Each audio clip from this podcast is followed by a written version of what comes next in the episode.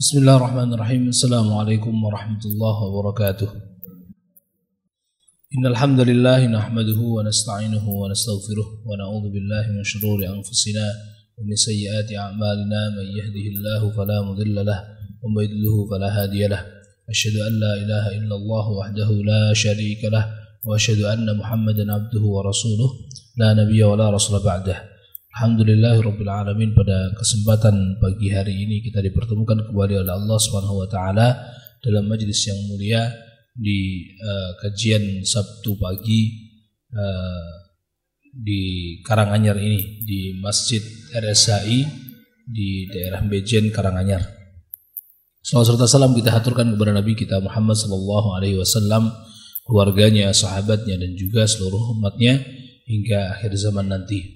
Bismillahirrahmanirrahim. Kita uh, dalam kajian kita ini melanjutkan uh, kajian kita Syama'il Muhammadiyah karya Imam At-Tirmidzi itu mengenal pribadi agung Nabi kita Muhammad sallallahu alaihi wasallam.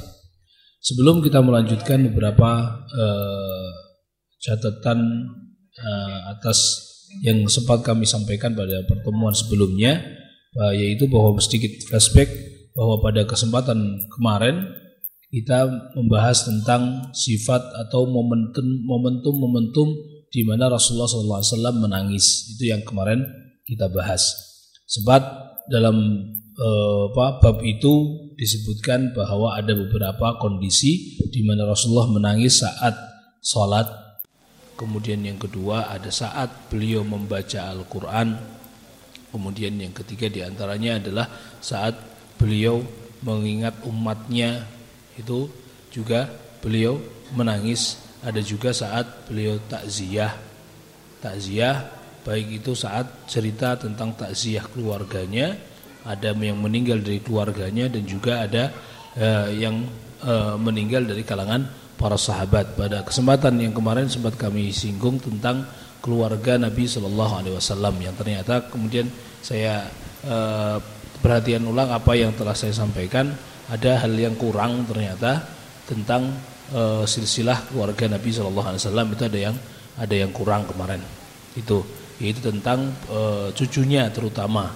Maka kesempatan bagi hari ini sedikit me, apa, e, mengedit atau paling tidak meluruskan sedikit apa yang kurang di kemarin saya sampaikan terkait dengan keluarga Nabi Shallallahu Alaihi Wasallam. Yaitu tentang kemarin yang belum saya sebutkan kalau nggak salah dari putra uh, putri putrinya Fatimah radhiyallahu anha. Itu uh, baru saya sampaikan uh, Hasan dan Hussein sementara ada yang Muhsin ada juga uh, Zainab dan Ummu Kulthum yang belum kami sebutkan itu.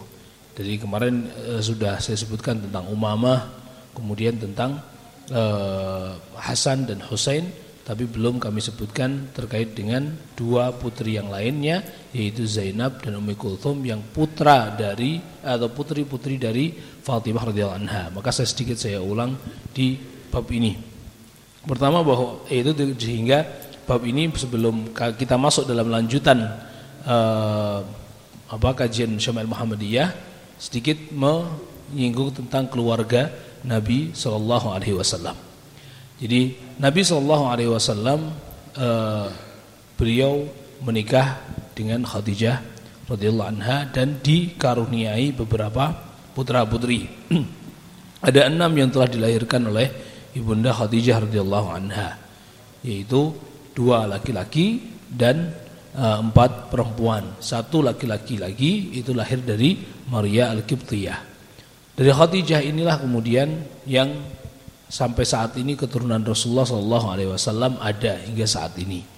Nah, dua itu adalah Abdullah dan Qasim. Qasim dan Abdullah itu meninggal waktu kecil semua. Kemudian dari empat putri-putrinya ada yang menikah semuanya menikah. Kemarin sebagai sempat kami singgung, kami saya ulang di sini. Yaitu Zainab menikah dengan Abu As yang Abu Las itu sebenarnya juga sepupu sendiri, ponakan dari Khadijah radhiyallahu anha. Artinya Rasulullah sudah melihatnya, sudah tahu karakternya sejak kecilnya.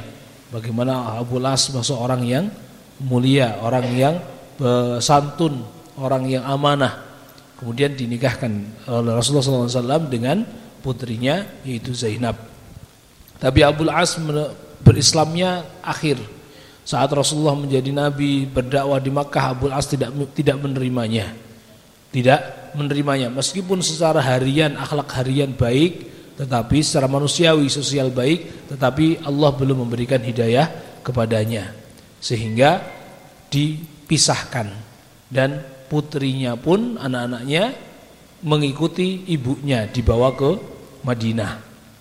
Yaitu Umamah. Sementara anak laki-lakinya yaitu yang lain yaitu ada Ali ibnu Abil As jadi Abul As dengan Zainab itu lahir dua yaitu ada Ali ibnu Abil As meninggal waktu kecil kemudian ada Umamah yang nanti sampai dewasa mereka dipisahkan kemudian Zainab nantinya ikut Rasulullah hijrah ke Madinah.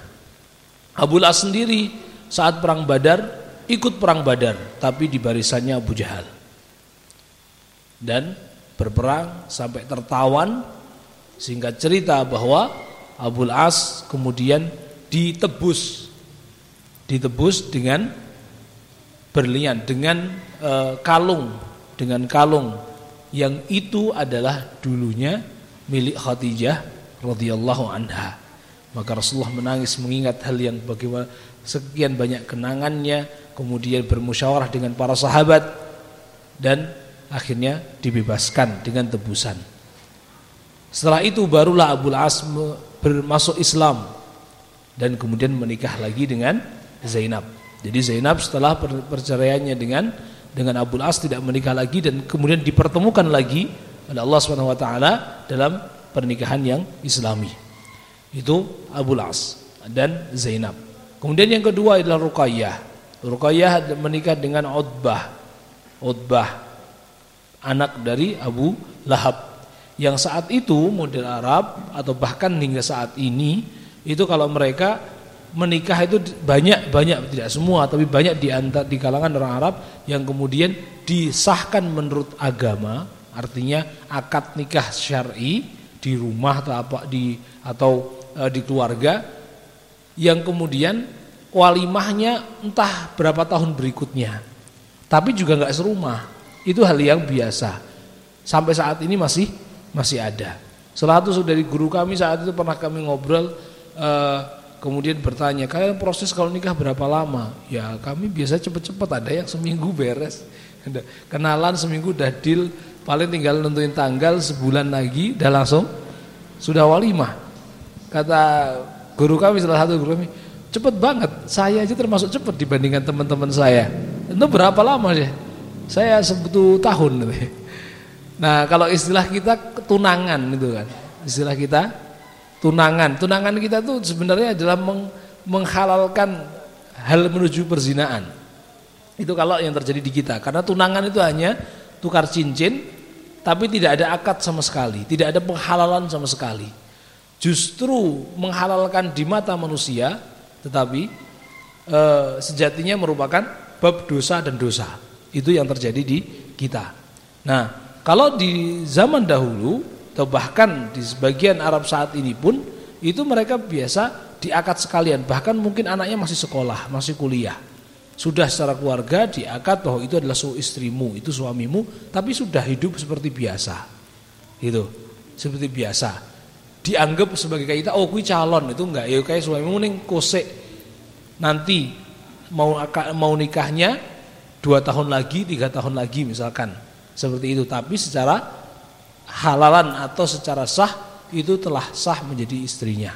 Nah itu hal biasa di kalangan Eh, Arab dan tentunya kalau kita misalkan kok ada seorang bapak ibu di antara kita punya anak sing sudah pengen nikah atau pacaran terus wis ini tak akadke ning kowe kono arep pacaran luweh ramang saumah seperti itu ibaratnya gitu tidak ada khawatiran dosa sama sekali justru pahala selain gitu itu kalau engkau siap untuk rum, untuk rumah ya kowe siap keluar dari rumah ini siap dengan kehidupan pribadi tetapi aku mengiso ngalalke kowe, menghalalkan tok sehingga kowe dolan rono rene aku ora oleh kiriman dosa. Nah, itu di antara mungkin.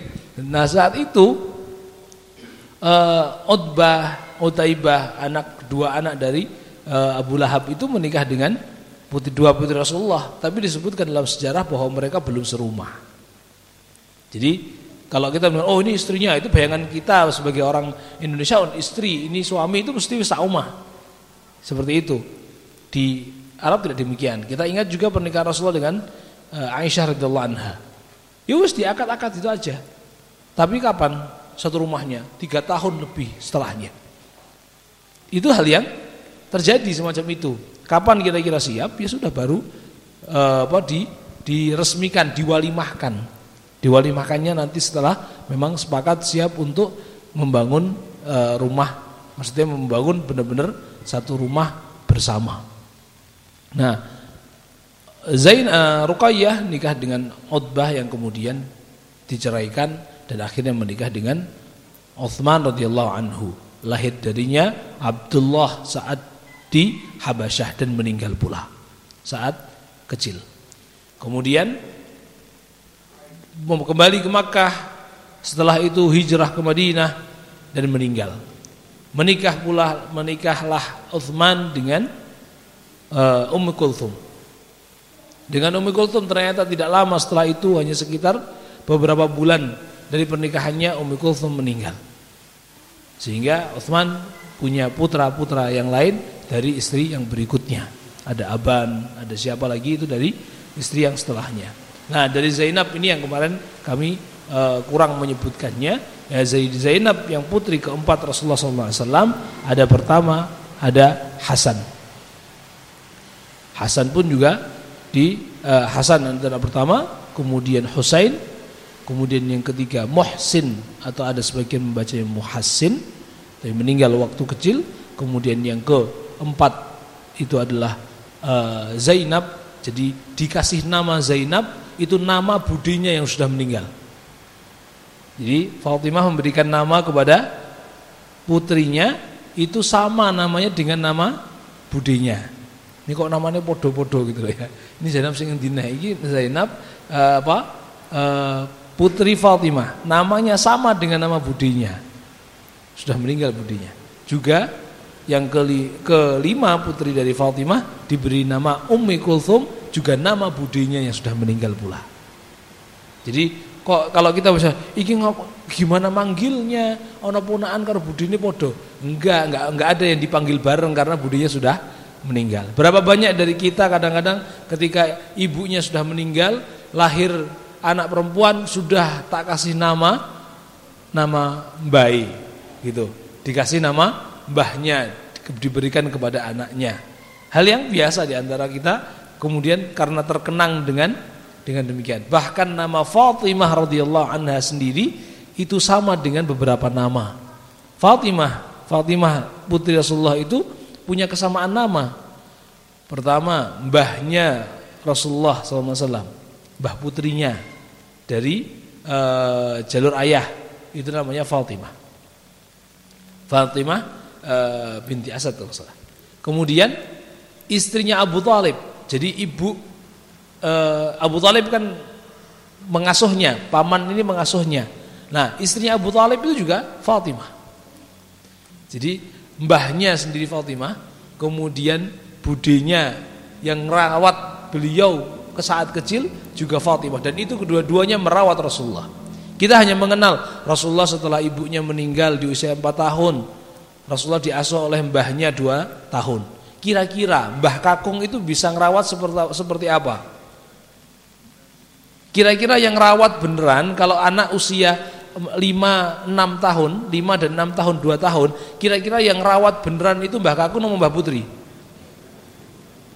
Mbah Putri kemungkinan. Kalau dia sudah usianya uh, eh, 15 tahun, oh dia diikut Mbah Kakung, oh itu bisa jadi benar-benar Mbah Kakung yang ngerawat. Dalam artian apa?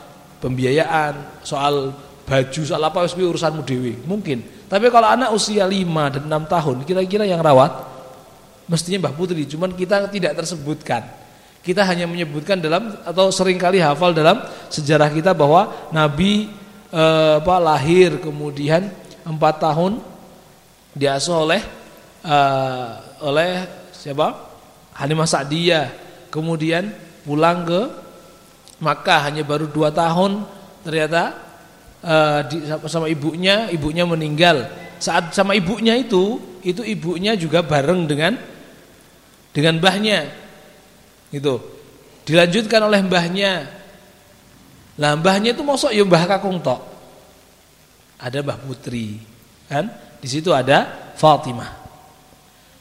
Setelah mbah kakungnya dua tahun tok merawat, berarti sampai usia delapan, itu mbah kakungnya meninggal, kemudian diasuh oleh Abu Talib sampai dewasa. Bahkan ibaratnya kemudian sampai uh, Rasulullah menikah pun itu menjadi bagian dari keluarga Abu Talib. Nah, Abu Talib ini kira-kira masa ya dewean Abu Talib tok. Kita hanya kenal Abu Talib kan, istrinya. Nah, nama istrinya juga Fatimah. Fatimah juga. Jadi uh, Rasulullah itu di sekelilingnya ada beberapa Fatimah. Sampai kemudian ketika memberikan ada putri, salah satu putrinya pun diberikan nama Fatimah. Ibaratnya ingat dengan sekian jasanya Mbah, Mbah dan atau yang ngasuh-ngasuh beliau saat beliau masih masih kecil, saat beliau bersama dengan keluarga Abu Talib itu salah satu ibu atau perempuan yang berjasa di antaranya secara pengasuhan itu juga bernama Fatimah. Nah, Fatimah pun juga akhirnya ketika dewasa pun juga memberikan nama anak perempuannya beberapa nama eh, apa orang-orang yang sudah tidak ada di masanya. Di antara nama budinya yaitu Zainab dan Ummi Kulthum. Nah, ini keluarga Rasulullah SAW jadi kita ketahui bahwa ada putra-putrinya.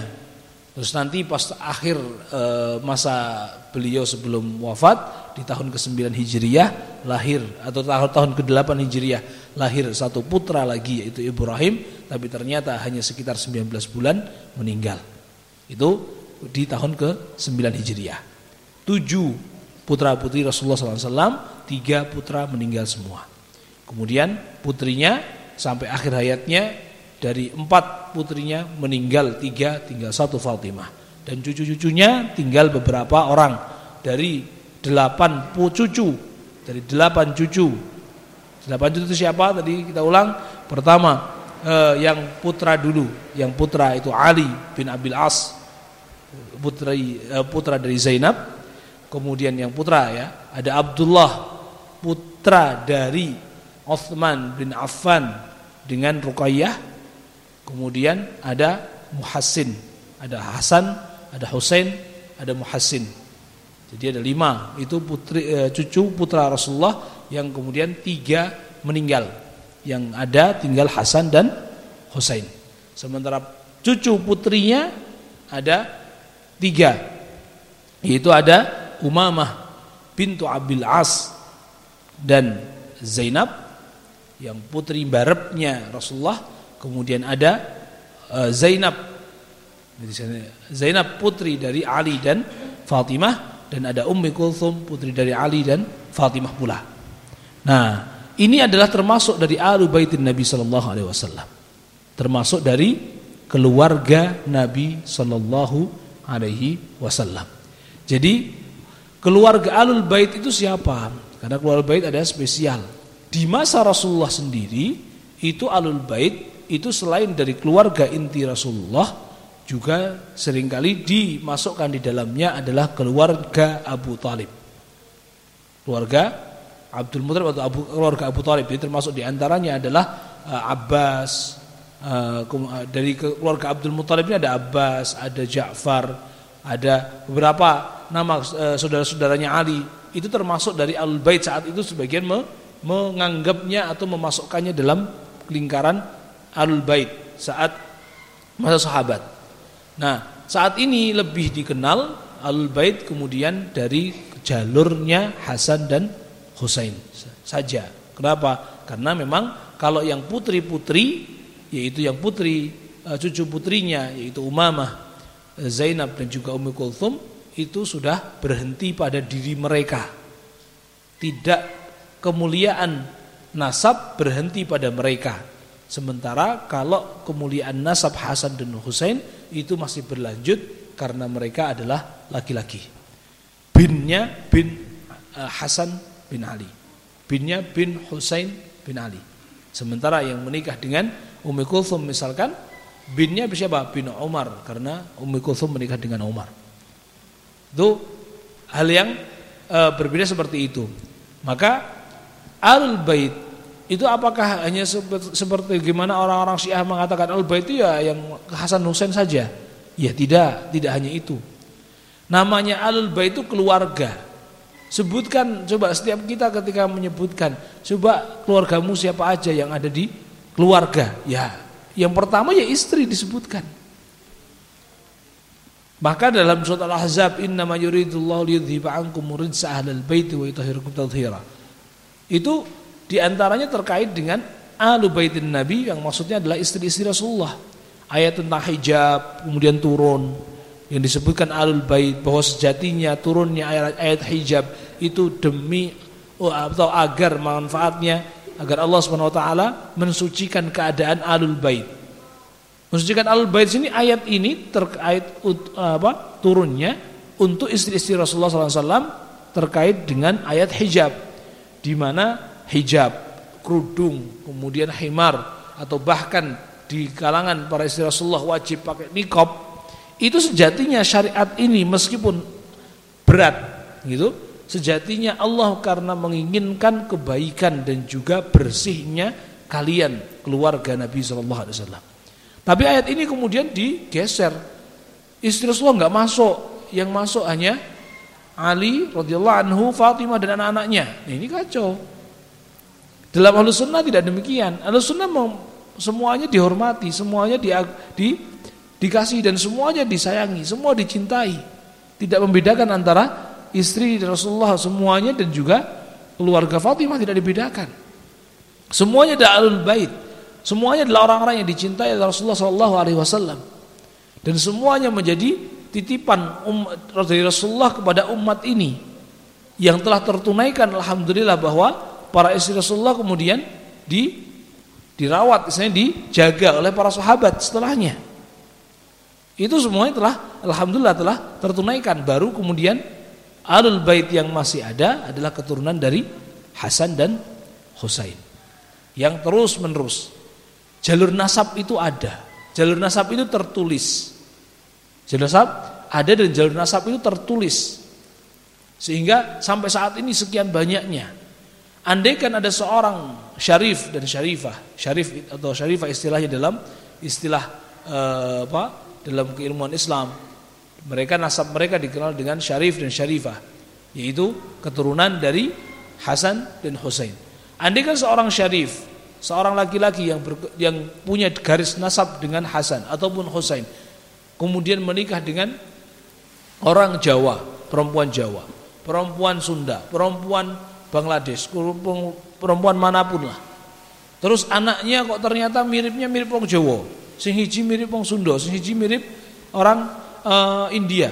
Loh iki mosok habaib, mosok syarif uh, keturunan Nabi kok wajah wajah Jawa men. Tidak tidak berbicara masalah wajah.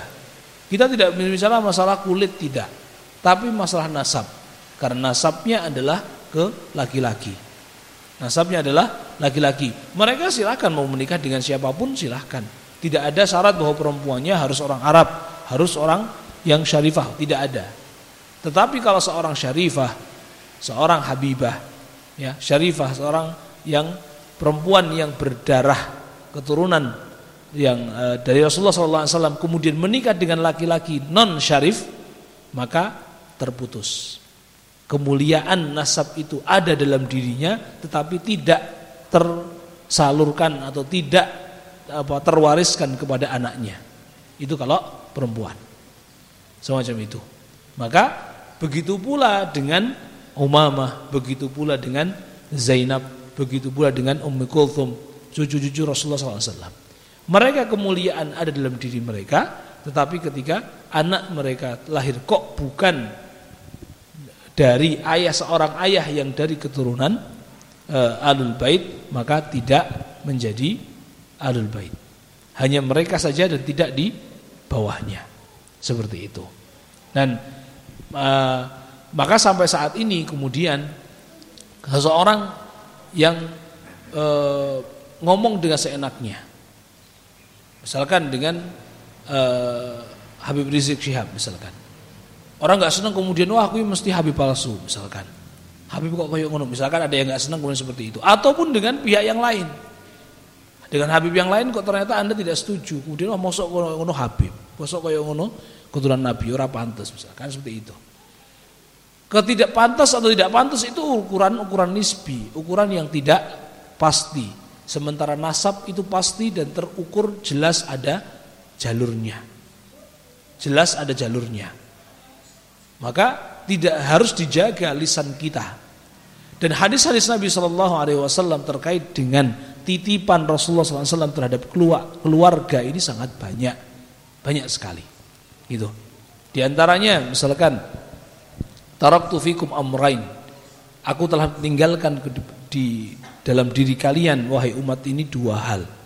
Dalam hadis yang mungkin lebih sering kita dengar itu kitab Allah wa sunnah nabiyyih. Kitab Allah itu Al-Qur'an dan sunnah-sunnah nabinya. Itu yang paling mungkin sering kita dengar. Tapi ada pula di hadis yang lain kitab Allah wa itrati. Itrah itu artinya apa? Ahla baiti. Kitab Allah itu Al-Qur'an dan ahlul baitku titipan Allah, titipan Rasulullah kepada kita. Loh, terus sunnahnya di kalau itrati? Kalau disebutkan kitab Allah wa itrati maka sunnah sudah masuk dalam kitab. Karena dalam Al-Qur'an sudah disebutkan eh, apa? Wa ma atakumur rasulu fakhudhuh wa ma nahakum anhu fantahu. Apa yang disampaikan Rasulullah ambil, yang beliau larang maka tinggalkan. Artinya sudah masuk hadis itu dalam kitab Allah. Wa itrati itu artinya ahla baiti. Maka sampai kemudian Abu Bakar As-Siddiq sebagaimana diriwayatkan nasihat Abu Bakar As-Siddiq ini oleh Imam Al-Bukhari rahimahullah taala bahwa ketahuilah bagaimana cinta kalian kepada Rasulullah dengan bagaimana cinta kalian kepada keluarganya. Sampai seperti itu Abu Bakar Siddiq. Maka beliau menyampaikan untuk menyambung silaturahmi dengan keluarga Rasulullah lebih aku cintai, lebih aku dahulukan daripada menyambung silaturahmi dengan keluargaku sendiri. Itu Abu Bakar Siddiq, orang terbaik dari umat ini sampai seperti itu. Umar radhiyallahu anhu ketika suatu saat ada cucu Rasulullah, ada anaknya dia. Beliau ada uh, apa? Ya uang lah. Ibaratnya itu uang atau bingkisan malam saat itu yang diberikan. Ternyata yang diberikan kepada anaknya hanya seberapa? Yang diberikan ke untuk cucu Rasulullah lebih besar. Sampai ya Allah ya wahai bapak kok kamu berikan lah engkau kok cuma anaknya Umar. Kalau beliau ini ya cucunya Rasulullah mereka adalah orang yang sangat dicintai Rasulullah sementara cinta Rasulullah kepadamu dan kepada mereka lebih besar kepada mereka maka aku berikan kepada mereka lebih besar Sampai seperti itu. Umar radhiyallahu anhu saat melihat Abbas, Abbas bin Abi Muthalib, paman Rasulullah, yang saat itu lingkaran lingkaran keluarga Abu Talib termasuk saat Rasulullah masih hidup termasuk dari lingkaran Al-Bait. Apalagi Rasulullah benar-benar tinggal pernah tinggal bareng. Kemudian ketika masuk Islam, masuk Islam, Umar berkata kepada wahai Abbas, sungguh keislamanmu keislamanmu saat ini itu lebih aku cintai daripada aku mengandaikan bapakku sendiri masuk Islam. Sampai seperti itu. Itu Umar. Engkau masuk Islam itu itu lebih aku cintai daripada bapakku masuk Islam. Loh kenapa? Karena Rasulullah lebih mencintaimu daripada mencintai bapakku. Seperti itu. Harapan Rasulullah itu sangat berharap engkau masuk Islam itu jelas ada. Sementara bapakku Allah alam kayak apa? Maka sampai kemudian rasa cintanya itu dalam diri Abu Bakar radhiyallahu anhu, dalam diri Umar itu benar-benar mengarahkan cintanya apa yang dicintai Rasulullah sallallahu alaihi wasallam. Apa yang lebih beliau cintai, maka itu pula yang lebih aku cintai daripada perkara diriku sendiri. Sebagaimana cinta cinta Umar radhiyallahu anhu, kepada Rasulullah itu lebih besar daripada cinta Umar kepada dirinya sendiri. Itu perkara bahwa ada uh, apa? Ada mahabbah, ada tuntutan dalam Islam ini bahwa kita harus mencintai alu baitin Nabi sallallahu alaihi wasallam.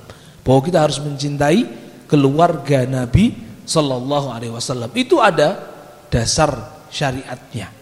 Ada dasar syariatnya. Maka kalau dicari dalam sekian banyaknya eh, sejarah-sejarah Islam, bagaimana para khalifah kemudian memuliakan mereka alul bait, kemudian memberikan hadiah yang besar dalam Baitul Mal kemudian disisihkan ini khusus untuk hadiah pada alul bait itu diberikan sampai seperti itu. Ada ikram tersendiri, ada ikram tersendiri dari umat ini dan itulah darah birunya dalam Islam. Sebagaimana kok bisa Islam kan tidak membedakan antara Arab dan dan dan eh, apa non Arab. Ya, la fadla li arabiyyin wa la ajamiyyin illa bitaqwallah atau illa bil iman. Bahwa kemuliaan itu hanya ada dalam ketakwaan. Kemuliaan itu dalam ketakwaan, iya. Kemuliaan dalam sisi di sisi Allah itu kemuliaan adalah ketakwaan. Orang itu tidak bisa memilih Anda lahir dari keluarga siapa itu nggak bisa. Nah, seorang itu telah Allah pilih untuk lahir dari jalur keluarga Nabi itu juga pilihan Allah Subhanahu wa taala. Bahkan dalam satu ayat Asy-Syura, "Qul la as'alukum 'alaihi ajran illa al-mawaddata fil qurba." Katakan wahai Nabi, aku tidak meminta kepada kalian umat ini atas apa yang telah aku sampaikan itu ajra upah. Rasulullah nggak pernah minta upah, beli berdakwah kudu di amplopi kudu di dikasih parcel, nggak ada cerita. nggak ada cerita. Rasulullah nggak pernah meminta, nggak pernah sama sekali Rasul meminta. Justru para sahabat yang berduyun-duyun bagaimana sebisa mungkin untuk ber, memberikan hadiah kepada Rasulullah. Tapi Rasulullah tidak meminta sama sekali. Sah bahkan didikte oleh Allah Subhanahu wa taala, "Qul la as'alukum 'alaihi ajra." Aku tidak pernah meminta. Katakan wahai Nabi, enggak minta sedikit pun dari jerih payah beliau dengan dakwah. Illal mawaddata fil kurba kecuali hanyalah kasih sayang dalam kurba dalam kekerabatan. Tafsir yang besar dalam ayat ini adalah terkait dengan kita persaudaraan sesama Islam. Bahwa Rasulullah SAW telah meng, uh, apa, telah mempersaudarakan semua kabilah di Arab. Itu tafsiran di antara Ibnu Abbas menafsirkan demikian. Tapi ada salah seorang seorang salaf yang kemudian melihat ayat ini illal mawaddata fil kurba ini termasuk isyarat di dalamnya adalah bahwa kita memberikan mawaddah, memberikan kasih sayang fil kurba yaitu di keluarga dan keluarga atau uh, di anak keturunan Rasulullah Shallallahu Alaihi Wasallam. Artinya ayat ini memberikan sedikit isyarat di antaranya bahwa Rasulullah itu menitipkan kepada kita keluarganya, menitipkan kepada umat ini ahla baitih. Itu ada hal demikian. Maka uh, Islam dalam Islam ada perkara terkait dengan alul bait yang berbeda dengan umumnya kita. Ada yang berbeda. Maka tetap darah biru itu ada dalam Islam ada yaitu darah birunya keluarga Nabi Shallallahu Alaihi Wasallam yang saat ini itu keluarga itu kemudian nyambung kepada Hasan dan Husain radhiyallahu anhum kepada Hasan dan Husain itu bersambung kepada mereka. Nah, apa beberapa hal yang uh, spesial atau yang dibahas dalam Islam? Di antaranya pertama adalah yang sudah saya sebutkan al-mawaddah, yaitu kecintaan.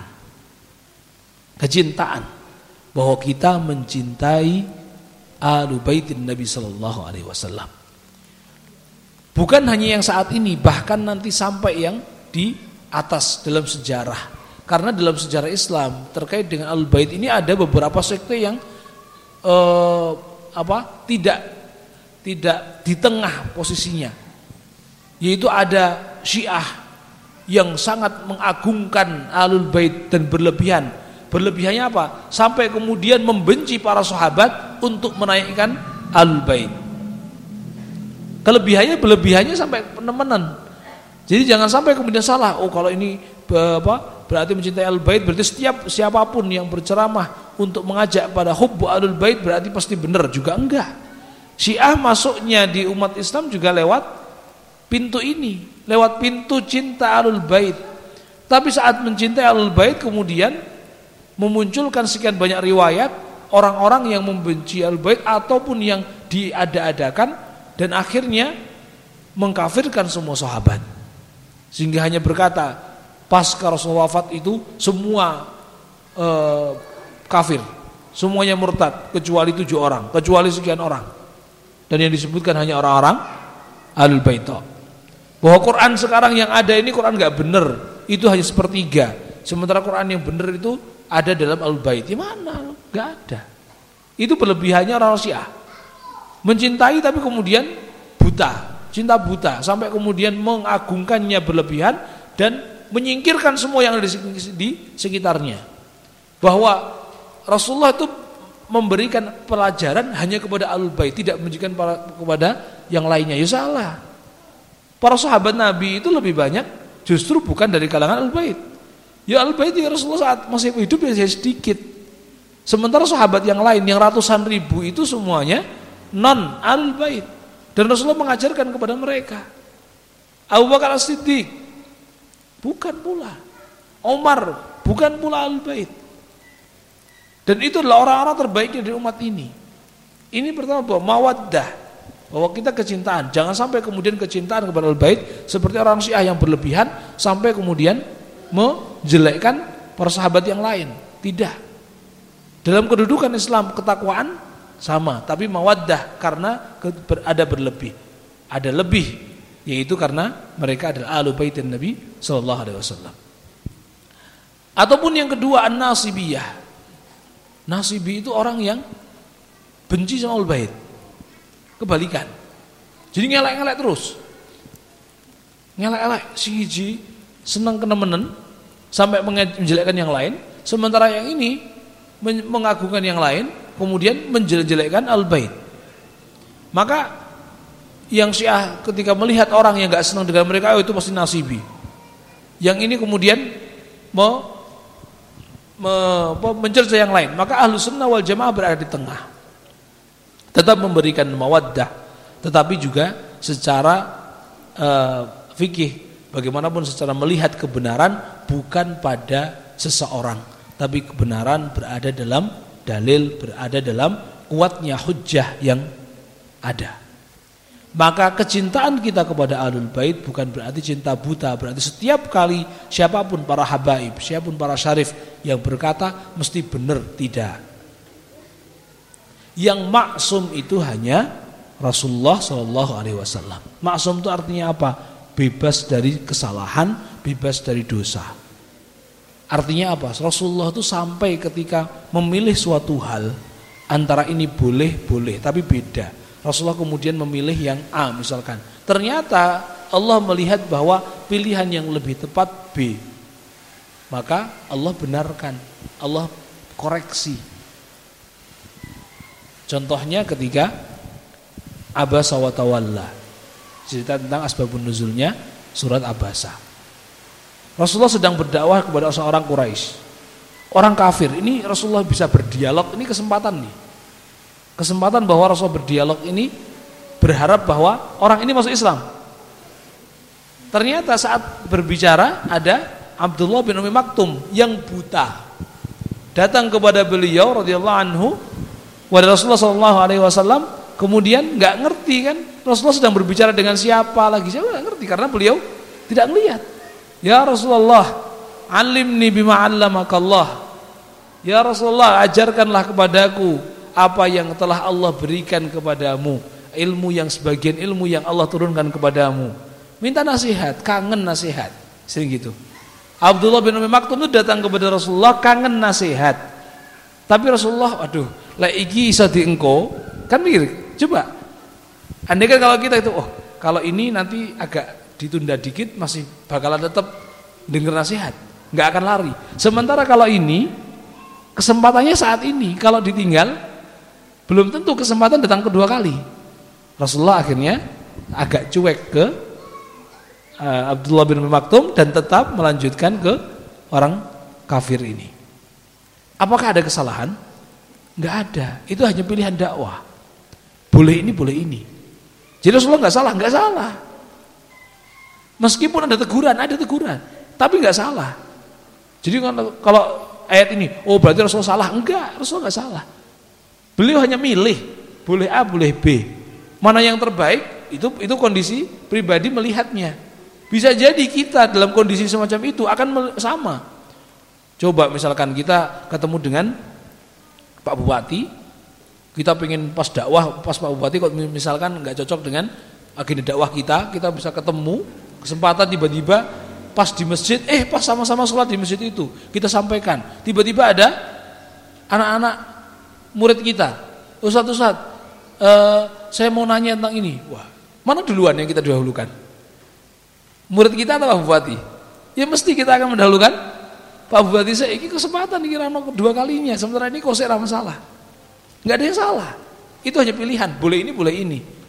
Tapi Rasulullah SWT ternyata melihat kedudukan Abdullah bin Umi Maktum spesial. Maka sebutkan abasa wa tawalla anja'ahul a'ma. Sungguh wahai Nabi engkau bermuka masam, engkau berpaling dari Abdullah bin Umi Maktum yang buta. Engkau uh, tetap menyampaikan dakwah kepada sini. Sementara bagi orang itu dakwahmu enggak berarti apa-apa. Sementara bagi ini orang ini engkau nasihatmu sangat berarti.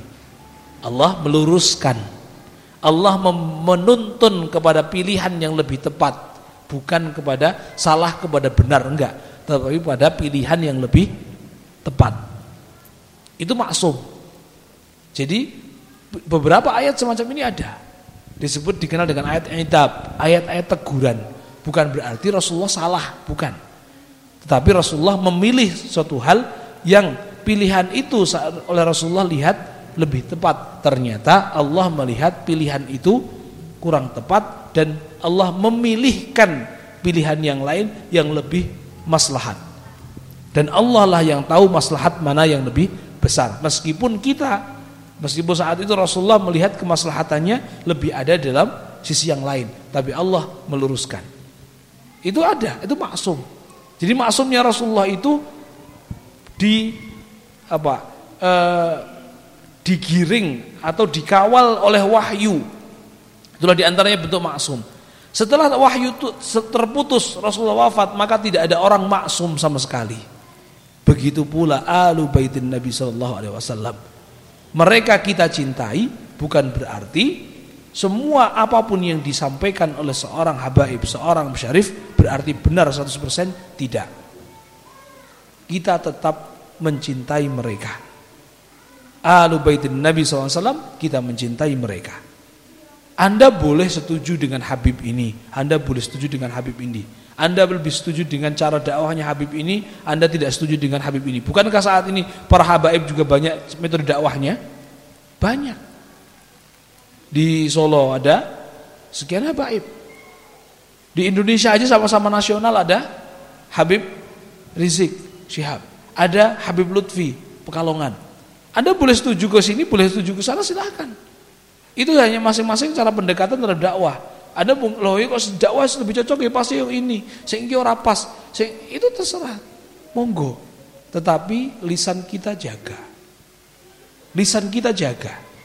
Jangan sampai ketika kita belum mengerti sejatinya apa dibalik mereka yang yang mereka lakukan. Apa dibalik pilihan-pilihan itu yang secara kasat mata bisa jadi Anda setuju kepada satu pihak kurang setuju dengan pihak yang lain itu silahkan tetapi jaga lisan kita jangan sampai kemudian kita mencerca kita kemudian menghujat karena oh itu Habib kok ngene jangan seperti itu. Itu pilihan dakwah mereka silahkan i'malu. Kita bergerak pada apa yang kita bisa lakukan. Sementara hal-hal yang tidak kita nyampe apa sih sebenarnya kok itu kok Habib kok gelem tuh tadi watim pres misalkan. Jadi uh, tim penasihat presiden kok gelemen misalkan gitu nggak setuju. Lah kalau nggak setuju nggak mau terus apa sih nasihati presiden?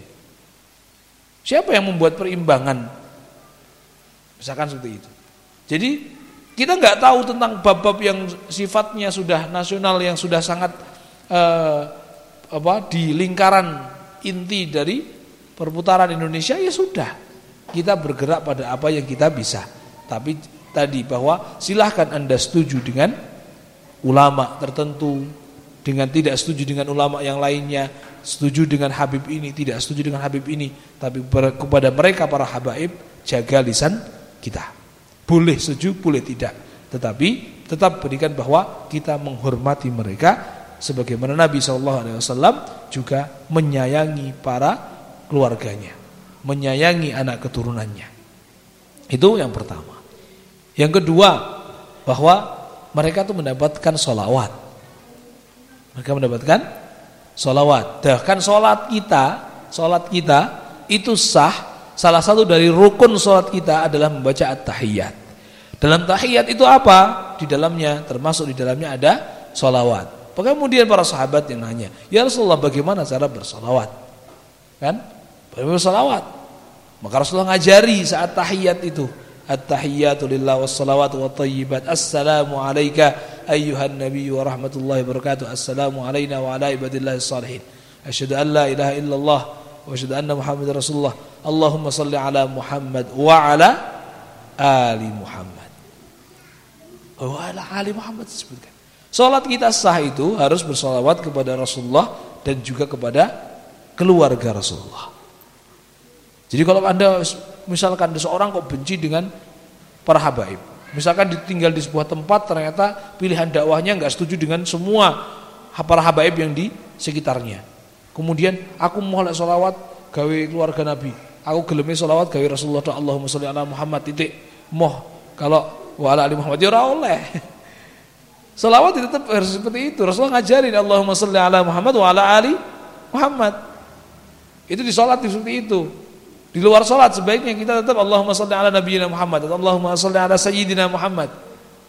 As-sayyid, an-nabi, habibina, habibina Muhammad sebagai penghormatan. Gitu.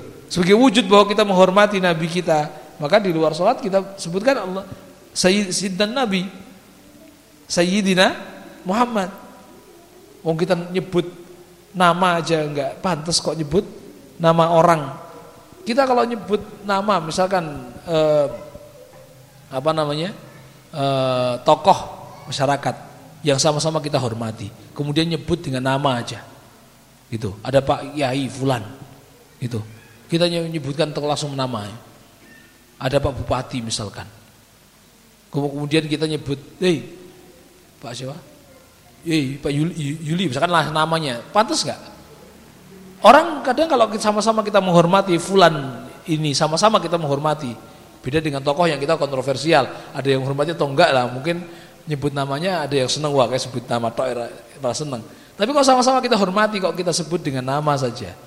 Iki mesti wong rasopan nih, gitu. Saya sebagai muridnya Sajihab, saya murid beliau. Kemudian saya apa itu tiba-tiba dalam majelis ini eh, saya menyebutkan nama beliau tanpa ustadz, tanpa ada Pak Yai. Orang lihatnya bukan kejelekan sosialnya tapi justru iki berarti cah murid ora jelas sih kalau murid karo gurune jangkar jenenge langsung sebut. Ora ana Pak Yai ana Pak Ustate apa sopan? Enggak sopan kan? Lah kalau kepada guru sendiri aja enggak sopan gimana dengan Nabi? Kira-kira sopan ora? Kalau kemudian kita nyebut bahwa e, Nabi kita tanpa penghormatan. Ya sopan ya pantas kalau enggak sopan tapi kalau kalau sholat gimana? Kalau sholat Rasulullah ngajari memang demikian. Allahumma sholli ala Muhammad wa ala ali Muhammad. Ya wis, silakan. Ada yang tetap ya tetap dalam sholat tetap Sayyidina ya monggo. Itu sebagian tetap memperbolehkan. Sebagian ya bagaimana Rasulullah ngajari ya wis titik di situ ya monggo. Itu pilihan masing-masing dengan hujah masing-masing. Tapi di luar sholat sudah semestinya kita memanggil beliau tidak sebagaimana panggilan pada umumnya. Rasulullah Sebagaimana kita juga memanggil guru kita, memanggil bapak kita aja nggak pantas, bapak kita Pak Jono misalkan terus mengatakan oh Jono wis mulai, pantas. Orang pantas, aku bapaknya Dewi orang pantas kok.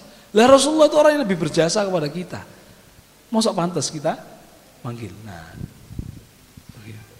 itu yang ke, yang kedua itu terselawat. Yang ketiga terkait dengan zakat dan sodakoh bahwa keluarga Nabi Al Bait tidak boleh makan zakat dan tidak boleh makan sodakoh. Kalau kita boleh, kalau mereka tidak boleh. Maka Salman Al Farisi pernah men, apa, berbagi kurma ya Rasulullah ini e, sodakoh dariku. Ya Rasul terima. Yang makan sahabat, terus Rasulullah nggak makan. Ini hadiah, beliau ikut makan. Gitu. Itu bukan hanya bagi Rasulullah, bukan. Bagi ahlu baitin Nabi. Para habaib nggak boleh makan zakat. Kalau mereka kalau mereka bukti nerima, nerima nggak masalah, tapi mesti dikabagikan ke yang lain. Nggak bakal mereka makan. Nggak bakal mereka makan. Rasulullah pernah gendong bayi, ya bukan gendong, ada Hasan atau Husain yang main di rumahnya, makan kurma, kurma, kurma. Jelas itu kurma. Satu buah kurma. Beliau makan sama anak kecil nih. Rasulullah lihat, langsung diambil, tangannya dimasukkan. Masukkan sampai muntah. Para sahabatnya Rasulullah itu anak kecil, itu kurma. Kenapa? Aku khawatir kalau yang dimakan oleh cucuku ini, anakku ini, kurma jatuh dari saat aku membagikan zakat atau sodakoh. Jadi sampai kayak gitu. Karena khawatir kalau yang dimakan adalah kurma zakat atau kurma sodakoh yang pas kebetulan Rasulullah bagi ono sing tiba di sekitarnya. Itu haram tuh. Maka kalau mau berbagi atau mau ber uh, apa pengen memberikan kepada sowan misalkan Habib siapa gitu ya hadiah gitu. Jangan niki sodako saking kula. Ora Pak. Oh ya Pak. Yo yo nonton tapi terus di bakal di pinggirkan. Nggak bakal diterima gitu. Kenapa sodako itu zakat itu umumnya dari atas ke bawah? Kalau ada seorang murid Pak Guru niki sodako kula ya. Lalu bos. Pak Guru niki hadiah. Oh terima. Pantas kan? Iya seperti itu pula. Gitu. Nah yang keempat terkait dengan uh, tadi apa tadi? Yang uh, zakat sedekah. Yang keempat uh, kemuliaan nasab. Yang sudah saya sebutkan. Bahwa mereka punya kemuliaan nasab. Maka dari kemuliaan nasab ini pantas-pantas saja. Meskipun bukan sebuah hukum pasti bahwa seorang syarifah, seorang berdarah biru atau berdarah seorang perempuan yang punya jalur keturunan dari mereka anak seorang habib ya itu syarifah kok kemudian nggak boleh nikah dengan non syarif itu nggak ada dalilnya, nggak ada pelarangan, boleh saja, tetap boleh. Tetapi andikan seorang ayah kok kemudian kowe nduk, misalkan seorang Habib bilang kata ke anaknya, nduk kowe kudu nikahi karo Syarif, karo Habib sopo. Itu ya wajar-wajar saja. Artinya oleh saya luas meskipun bukan hukum haram untuk menikah dengan yang lain. Tidak. Tapi boleh-boleh saja. Gitu. Ada di tangga kami itu seorang syarifah dari keluarga Al-Atas. Beliau kakak dari Habib Mohsin Al-Atas uh, Sekjen eh, FPI pusat saat ini. Itu kebetulan dulunya waktu kecil uh, tinggalnya di dekat rumah kami. Kakaknya seorang syarifah, tetapi dilamar oleh gurunya saat ngaji mau dan orang Jawa. Ya sudah, beliau syarifah tapi anak-anaknya bukan syarif, bukan syarifah. Itu. Jadi contoh seperti itu boleh, boleh boleh saja. Tapi kemuliaan itu akhirnya hanya dalam dirinya, tidak bisa di dalam bawahnya.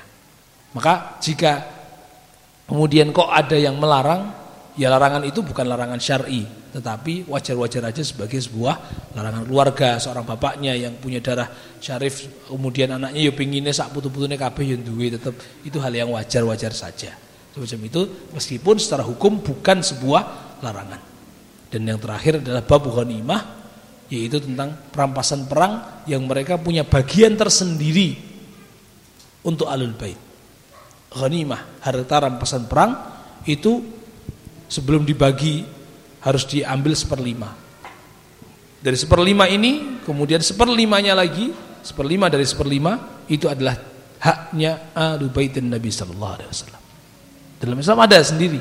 Sementara dari keluarga Pak Jono, keluarga Pak uh, apa Jaya Dipuro atau siapa nggak ada nggak ada jatahnya untuk seperlima dari harta rampasan perang nggak ada gitu atau bahkan dari uh, apa dari keluarga siapa pun dari keluarga kita tidak ada. Kecuali kalau dia ikut andil dalam perang. Atau keluarga miskin atau keluarga fakir atau keluarga ibnu sabil maka mungkin boleh diterima. Itu. Jadi uh, alul baitin Nabi saw spesial dalam Islam. Ada hal spesial dalam diri mereka? Ada. Tapi ingat bahwa kespesialan ini bukan berarti setiap atau melegalkan setiap perbuatan mereka berarti benar tidak. Tidak pula tapi penghormatan kepada mereka cinta kita kepada mereka. Dan dalam syariat ada beberapa hal yang spesial untuk mereka itu ada dan harus diakui. Maka sebuah kemuliaan ketika ada seorang habib ada seorang ulama alim tapi juga dia merupakan seorang dari habib. Itu sebuah kemuliaan yang besar. Maka biasanya umumnya keturunan Nabi ini dikenal dengan syarif atau syarifah baru para alimnya di antara mereka itu sebagian kemudian menyebutkan tambahan menjadi habib jadi habib itu biasanya kalau saat ini sudah mulai bergeser lagi setiap anak-anak uh, keturunan dari syarif kemudian oh habib iki habib iki semua disebut habib semua karena kita sudah terlanjur lebih kenalnya dengan habib Padahal aslinya awalnya Syarif dan Syarifah dulu. Kenalnya itu dengan Syarif dan Syarifah, baru para ulamanya dikenal dengan Habib. Seperti itu. Itu um, dahulunya semacam itu, tapi saat ini Habib ini punya anak ini meskipun kecil, lalu itu Habib ini, Habib ini langsung dikenal dengan Habib. Saat ini sudah mulai ada eh, pergeseran istilah sedikit pergeseran meskipun itu hanya istilah yang tidak ada permasalahan apa pun. Tetapi eh, hakikat itu menjadi salah satu apa hal yang perlu kita waspadai atau kita jaga lisan kita mengingat saat ini di Indonesia juga sedang ramai masalah ini. Bagaimanapun isu sentral uh, tentang uh, Habib Rizik Habib Rizik Syihab itu pun juga pasti akan ada benturan-benturan para habaib yang lain yang mungkin mungkin secara pemikiran berbeda atau secara jalan dakwah berbeda. Kemudian baik sebenarnya antara mereka tidak ada permusuhan tapi kemudian media membuat seakan-akan permusuhan itu ada. Saya yakin bahwa mereka akan saling menghormati mereka pun paham tentang hak dan juga uh, apa kehormatan yang mereka emban sebagai keluarga alul bait. Saya sangat yakin itu mereka sama-sama pahami. Meskipun berbeda berbeda manhaj dakwahnya saya yakin mereka akan menjaga lisan antar mereka. Cuman media itu akan membuat di mana kita sebagai penikmat media itu akan mencerca satu dan menyanjung satu yang lainnya. Maka jaga lisan kita, jaga e, komentar kita baik tulisan maupun lisan agar tidak keluar dari jalur syariat. Agar kita tetap menghormati mereka, ada kecintaan dalam diri mereka karena cinta kita kepada Allah dan Rasulnya Adapun soal setuju dan tidak dengan metode dakwah, dengan pilihan politik, pilihan e, hal yang terkait dengan keduniaan itu ya Allah, yaitu urusan dia. Urusan dia, kita aku lebih setuju dengan fulan. Yes itu monggo, itu pilihan beliau sementara aku lebih setuju pada pilihan ulama ini ulama ini yang juga di antaranya ada Habib ini Habib ini itu adalah pilihan pilihanku itu seperti itu tanpa tanpa adanya e, komentar-komentar yang miring terhadap mereka sehingga e, kita lebih selamat, hati kita lebih selamat dan juga lisan kita selamat dari hal-hal yang bisa menggelincirkan kita kepada dosa yang tanpa kita sadari. Demikian uh, kajian kita. Uh, insya Allah pada kesempatan uh, bulan ke depan kita akan melanjutkan tentang uh, kajian Syama'il. Alhamdulillah Rabbil Alamin. Kita akhiri dengan kafaratul majlis. Subhanakallahumma wa bihamdika. Assalamualaikum warahmatullahi wabarakatuh.